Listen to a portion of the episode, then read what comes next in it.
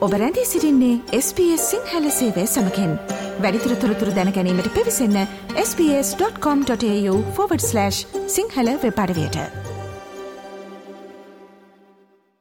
SBS ගුවන්විතිලිය ප්‍රවෘත්ති කාලීන සිදුවීම් සහත්තෝරතුරු ඔබ වෙත සමීප කරවයි. සම්බන්ධ වන්න SBS සිංහල ගුවන්විදිලිය සමඟ ps.com.ta/ සිංහලස්.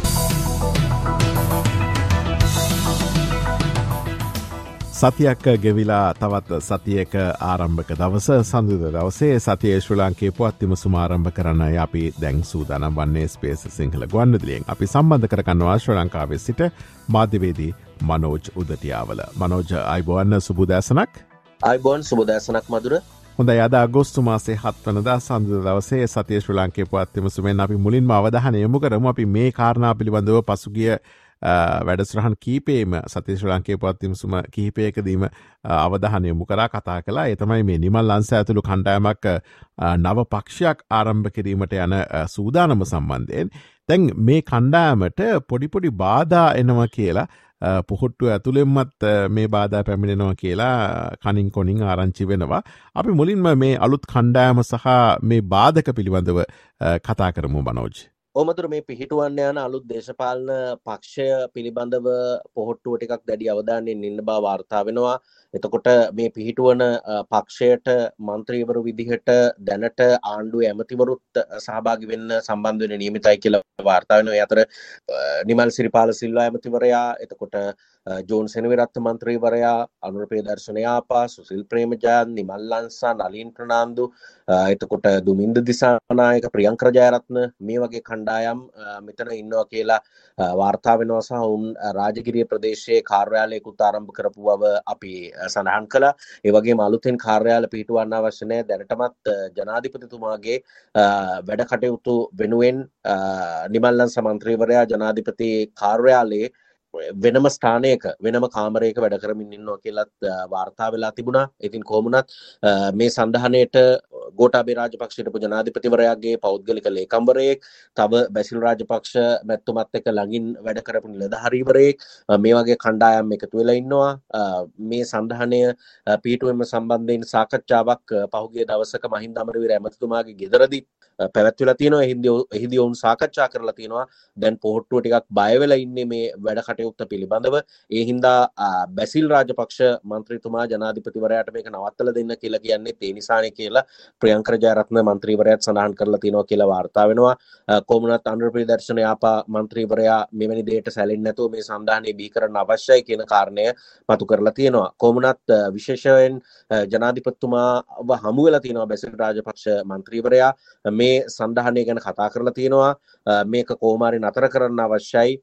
ලන්සලා කරන වැඩ නිසා පක්ෂය අය කැන පොහොට්ටු ඇත් එක කලබල වෙනවා කියලා බැසිල් රාජපක්ෂයට පැමතිවර ජනාධිපතිවරට දැනුම් දිල තියෙනවා. නමු ජනාධිපතිවරයා ඒ පිළිබඳ ආගන හිටිය මිසක් එය වලක්වන්න හෝ ඒ නවත්වන්න කටයුතු කරනවා කියන ආකාරයේ ප්‍රතිචාරයක් දැක්වෙන කියලත් වාර්තා වෙනවා. කොමුණත් ආණ්ඩුවේ දැනට ඉන්න එකන පෝට්ටුවත් එක කටයුතු නොකරට ආණ්ඩුව නියෝජනය කරන කණ්ඩායමේ සෑහෙන පිරිසක්. මේ පක්ෂයත් එක මේ සඳහනයත් එක එකතු වෙන්න බලාපොරොත්තුවක් තියෙනවා කියලා දැනට වාර්තා වෙනවා. ඒ නිසා තමයි මම හිතන්නේ පොට්ටුවේ ජ්‍යෙෂ්ඨ නායකයනුත් ඒ පිළිබඳව අවධානය යොමු කරලා ජනාධිපතිවරයාත් හම්බ වෙලා මේ සඳහනේ මේ පක්ෂයේ පිටුවීම හෝ කණ්ඩායම් එකතු වීම ටිකක් අඩපණ කරන්න කටයුතු කරමින් ඉන්න බව පේන්න තියෙන්නේ. ඒ නිසා.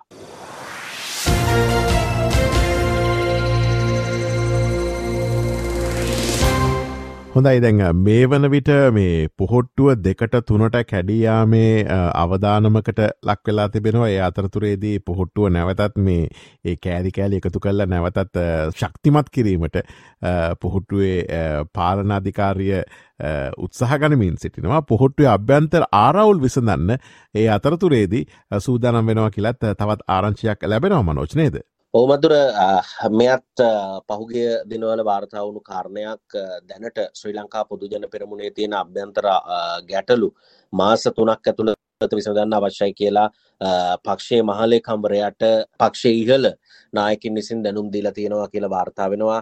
එතකොට පොදුජන පෙරමුණේ ආසන බලමණ්ඩල විශාල ප්‍රමාණයක් තියෙනවා. මේ වන විට තිබුණු වාතාවරණයට වඩා හොඳ වාතාවරණයක් පක්ෂය තුළ තියෙනවා. ජනතාව අතරට යන්න පුළුවන් වෙලා තියෙනවා.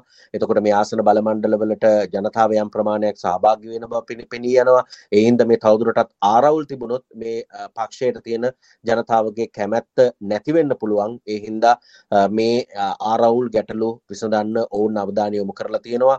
ඒ අනුව මාස තුනක කාලයක් ඇතුලේ මේ පක්ෂයේ අභ්‍යන්තර ගැටුම් විසඳන්න විශේෂයෙන්ම ඉස්සරහට ජනාධිපතිවරණයක් පවත්වන වෙලාවක අපේක්ෂකයෙක් නම් කරන්න මෙවැනි කාරණා පිළිබඳවත් මූලිකව සාකච්ඡා කරන්න පක්ෂය සූදානම් වෙන බව වාර්තා වෙනවා. එතකොට දැනට ශ්‍රී ලංකා පොදුජන පෙරමුණ නියෝජනය කරන පාර්ලිමේන්තු මන්ත්‍රීවරු 125කට ආසන්න ප්‍රමාණයක් ඉන්නවා. ඒ පිරිසෙන් යම් ප්‍රමාණයක් වෙනත් දේශපාලන පක්ෂවලට සම්බන්ධ වෙලා තියෙනවා කියලා වාර්තා වෙනවා.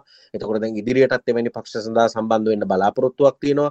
ඒ හින්දා මේ අයත් එක්ක කතා කරලා ඔවුන් කටයුතු කරන ආකාරය පිළිබඳව ඔවුන්ට තිබෙන ගැටලු පිළිබඳව සාකච්ඡා කරලා පක්ෂය තුළට තවදුරටත් රඳවා තබා ගැනීම මේ පක්ෂයේ ලේකම්වරයට පවරපු කාර්ය හැටියට සඳහන් වෙනවා. ඉතින් කොහොමුණත් පොදුජන පෙරමුණේ ආසන බලමණ්ඩල රැස්වීම් අවසන් වුණාට පස්සේ මේ පිළිබඳව අනිවාර්යයෙන්ම විසඳුම් වලට යන්න ඕන කියලා දේශපාලන ක්‍රියාමාර්ග සම්බන්ධයෙන් වන වෙනසක් ඇති කරන්න ඕන කියලා මේ පක්ෂය තුල සාකච්ඡා වෙලා තියෙනවා. ඒ අනුව ඉදිරි මාස තුන ඇතුළත පක්ෂය එක තැනකට ගේන්න තිබෙන ගැටලු ආරවුල් මතභේද විසඳන්න ඒ අනුව පක්ෂ ලේකම්වරයා කටයුතු කරයි කියලා ලේකම්වරයාට ඉහළින් ඉන්න පක්ෂයේ නායකත්වය අපේක්ෂාවෙන් ඉන්නවා කියලා වාර්තා වෙනවා.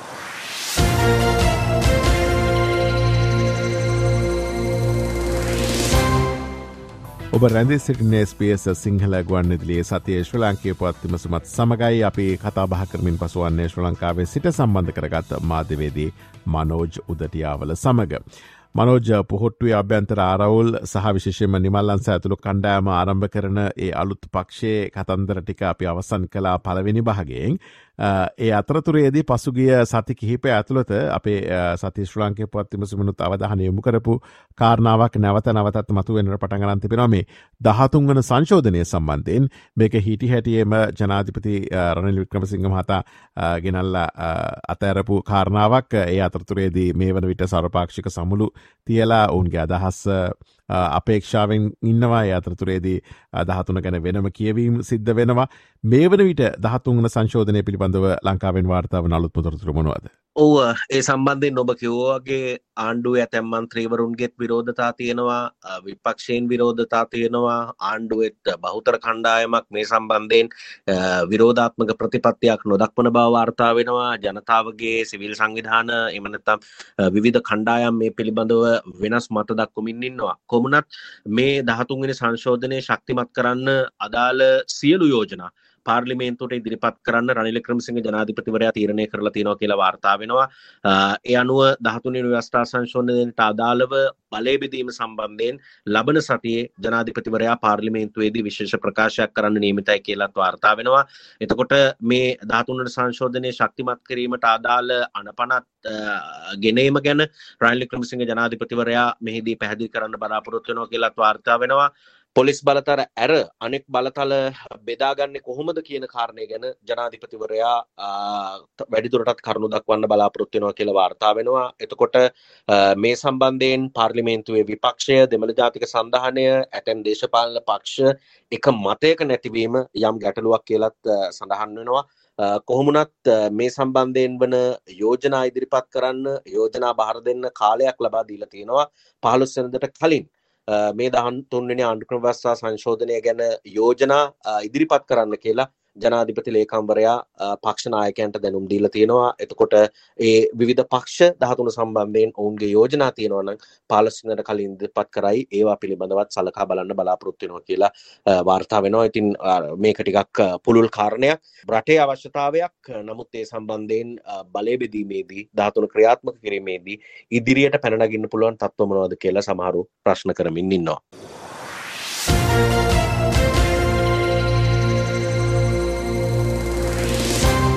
ශ්‍ර ලංකාවේ මේ වන විට මේ දේශපාලන මොහොතේ ඇතැම් පක්ෂ අර්බුධකාරී තත්වයක පසුවන අතර ඇතැම් පක්ෂ ඉතාම සූක්ෂම ගමනකේදී සිටින ආකාරයක් තමයි අපිට පෙනියන්නේ.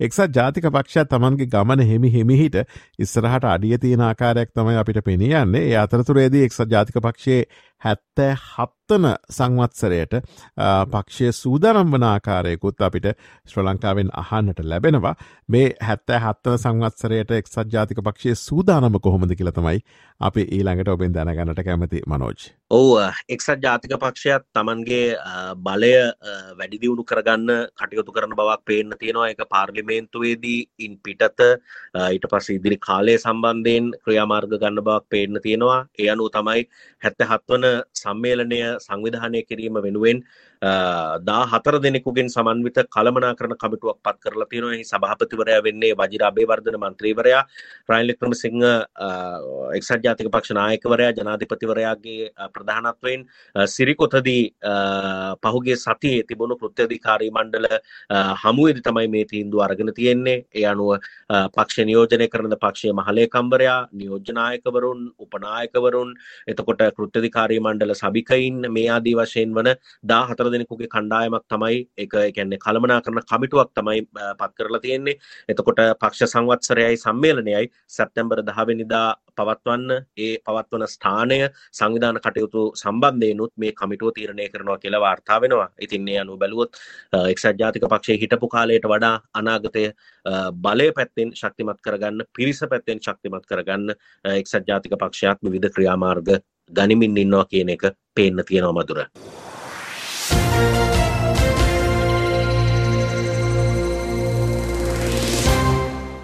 ශ්‍ර ලංකාවේ ජීවන වියදම ඉතාම ඉහළ මට්ටමක පවතිනවා උද්ධමනය සේම. එනිසාම විශේෂෙන්ම විවිධාකාරයේ ජීවන වියදම් අරගල පිළිබඳව අපිට නිරන්තරෙන් මහන්නට ලැබෙනවා. ඒ අතරතුරේදී පසුගේ සතියේදී වාර්තාවෙච්ච සුවිශේෂී ලයිට් බිල් දෙකක් පිළිබඳව මුළු ශ්‍රී ලංකාවේ මනත්තම් විදුලිය බිල්පත් දෙකක් පිළිබඳව මුළු ශ්‍රී ලංකාවේම අවධානය යොමු වුණා. එකක් තමයි මිහින්තලේ රජ මහවිහාරයේ විදුලිය බිල. ඒත් එකම තවත් විදුලිය බිලක් සම්බන්ධය නිතා මාන්ද්‍රනාත්මක කතාබහක් ඇතිවී තිබෙනවා. එතමයි නමල් රාජපක්ෂ මහතාගේ මේ විවාහ මංගලෝත්සවය සඳහා ලබාගත්ත විදුලිය සඳහා ඒ විදුලිය බිල. මේ විදුලි බිල්පත් දෙකම ගෙවා දමා නැහැ. ඇනැත්තං ඇරියස් වෙලා තිබෙනවා. නමුත් මහිතන මිහින්තලේ විදුලි වෙලනං අපේ විපක්ෂනායකතුමා ගෙවල දැම්ම. කොහොම නමුත් මේ විදුලිය බිල්පත් දෙක පිළිබඳව පසුග සතයේදේ ශ්‍ර ලංකාවේ ඉතාමත්ම උණුසුම් කතාබහක් ඇති වුණ. අපි කැමති අවසාන වශයෙන් ඒ සම්බන්ධයෙන් ඔබෙන් නවතම විස්සර දැනගන්නට මනෝජ්. ඔවමත්‍ර ඔබත් කිව්වගේ මිහින්තලේ පූජාභූමියයේ විදුලිය විසන්ධි කරා. හේතුව විදුලි බිල නොගෙවීම. එතකොට විපක්ෂනායක සජිත් ප්‍රේමදාස මහත්මයා ප්‍රමුඛ සමගි ජනබලවේගේ බෞද්ධ උපදේශන කමිටුව මේ බෙල ගෙවා දැම්ම කියල තමයි වාර්තා වෙන්නේ. ඒ අනුව මිහින්තලා පූජාභූමියයට නැවත විදුලිය ලැබුණ. සජිත් ප්‍රේමදාස මහත්මයා මේ කටයුතු සිද්ධ කිරීම සම්බන්ධයනුත් නායක හාමුදුරුව සඳහන් කරලා තියෙනවා. ඔහු කියන්නේ දේශපාලක්ඥයකු හැටියට නෙවෙයි මේ බර කරට අරගෙන කටයුතු කරන ලෝකය වෙනුවෙන් සිදු කළ පරිත්‍යාගයක් හැටියට මේක හඳුන්නනවා කියලා නායක හඳුරුව සඳහන් කරලා තිබුණා. කොමනත් රුපියල් ලක්ෂ හතලිස්සේක විදුලි බිල නොගෙවීම නිසා තමයි විදුලිය විසන්ධි කරේ. මේ ලක්ෂ හතලිස්සක ගෙවලා අන්තිමට මේ විදුලිය ලබා දුන්නා. ඒ අතර තමයි ඔය නාමල් රාජපක්ෂ මන්ත්‍රීවරයත් ඔහුගේ විවාහ මංගල උත්සවය කාලේ විදුලිය ලබා ගැනීම සම්බන්ධයෙන් ලක්ෂ විසිහායක විතර මුදලක් ගෙවල නෑ කියලා සඳහන් වනේ මේක දේශපාලන කණ්ඩායමක් විසින් තොරතුරු දැන ගැනීම පනත යටතේ ලබාගත්තු ඉලක්කමක් කියලත් සඳහන් වුණ. ඒ සම්බන්ධයෙන් මාධ්‍යත් නාමල් රාජපක්ෂ මන්ත්‍රීවරයාගෙනත් විමසල තිබුණා. ඔහු කිව්වා ඔහු කියල තිබුණා මෙහෙම බිලක් ගෙවන්න අවශ්‍ය බව දන්නලත් නෑ එම නොගෙවලත් නෑ. අවශ්‍යතාවේ තිබුණනම් ගෙවන්න තිබුණා කියලා. ඉතින් ඒකත් දැන් පොඩි සංවාධාත්මක තත්වයකට යනවා. තොරතුරු දැන ගැනීම පනත යටතේ ලැබුණු තොරතුරක් හැටියට තමයි එක පැත්තකින් වාර්තා කරන්නේ. නාමල් රාජපක්ෂ මන්ත්‍රීවරයාගේ පැත්තෙන් ඔව් කියනවා එහෙම දෙයක් සිද්ධ වුණේ නැහැ එහෙම වුණා නම් අපිට මේ සල්ලි ගෙවා දාන්න බැරි කමක් නැහැ කවුරුවත් ඒ සම්බන්ධයෙන් නොකිව්වේ ඇයි සහ අදාළ අංශ වලින් මේ සම්බන්ධයෙන් විමසීම් කරනවා කියලාත් වාර්තා වෙනවා. ඉතින් ජල බිල් වැඩි වෙලා ලයිට් බිල් වැඩි වෙලා ජීවන වියදම අඩු වෙලා ඒ කියන්නේ ජීවන තිබෙන වියදම දරාගන්න බැරුව ජනතාව ප්‍රශ්න කරන කාලෙක ලක්ෂ ගණන්වල ලයිට් බිල් ගැන කතා කරද්දී ඒව කොහොමත් ටිකක් ආන්දෝලනාත්මක කරුණු වෙනවා තමයි. ඉති ඒක තමයි මේ තත්ත්වය පැනනගින්න මතුවෙන් හේතු වෙලා තියෙන මතුර ඔව මනෝජ ජනතා විමුක්ති පෙරමුණේ දේශපාල මණ්ඩල සභික නලින් හේවගේ මහතා තමයි නාමල් රාජපක්ෂ මහතාගේ විවාහ මංගලොත්සවේ ඒ අදාළ විදුලිය බිල සම්බන්ධයෙන් ලංකා විදුලි බල මණ්ඩලයෙන් තොරතුරු දැනගැනීමේ පනත යටතේ තොරතුරු ඉල්ලලා ඒක ප්‍රසිද්ධියට පත් කළේ නැතම් ප්‍රකාශයට පත් කළේ ඔහු ඒ පිළිබඳව විශේෂ මාධ්‍ය හමුවකදී මෙන්න මෙයාකාරයෙන් අදහස් දැක්වීමක් සිද්ධ කළා. මිහින්තලේ කපුපුවගේ කපන්න පුළුවන් විදුලි බිලක් අද ඔයාලට අපි ඉදිරිපත් කරනවා. මේ මගේ අතේ තියෙන්නේ විශේෂයෙන්ම විදුලි බල මණ්ඩලයෙන් මම ගිය මාසේ 26 වෙනිදා තොරතුරු දැනගැනීමේ පනතින් ඉල්ලලා අද දිනේ මගේ අතට පත්වෙච්ච 2019 9වෙනි මාසේ 12 වෙනිදා ඉඳලා 2019 9යි 15 දක්වා. නාමල් රාජපක්ෂ මහත්තයාගේ කාල්ටන් නිවාසයේ පැවතුණු ඒ විවාහ වීමේ මහා මංගලෝත්සවය. අලුතෙන් විදුලි රහන් ඇදලා විදුලි පද්ධතියක් නිර්මාණය කරලා ජෙනරේටර් දීලා මේකට විදුලිය දෙනවා. මේ නාමල් මහත්තයාගේ වෙඩින් එකේ විදුලි බිල තියෙනවා 26 ලක්ෂ 82246 සත 57. ප්‍රශ්නේ තියෙන්නේ මේ විදුලි බිල අද වෙනකන් ගෙවලා නැහැ. වලව්වක් තියෙන්නේ පන්සලට ඉහළින් වෙන්න බෑ. වලව්වක් තියෙනවනේ පන්සලට පහළින්. ඒ නිසා ඓතිහාසික පුදබිමක විදුලිය කපන්න පුළුවන් නම් ඊට පහළින් තියෙන වලව්වෙත් වහාම විදුලිය විසන්ධි කරන ලෙස අපි ඉල්ලා හිටිනවා. හොදයි ඔන්න ඔයාකාරයට තමයි ගෙවුණු සතිය විශේෂම සතියන්තයේදී ශ්‍ර ලංකාවෙන්න උණුසුම්පුවත වාර්තා වනේ අපි සම්බන්ධ කරගත්තේ මේ සඳහා ශ්‍ර ලංකාවේ සිට මාධ්‍යවේදී මනෝජ් උදටියාවල. මනෝජ බොහොමත්ව ස්තුතිවන්ත වෙනවා.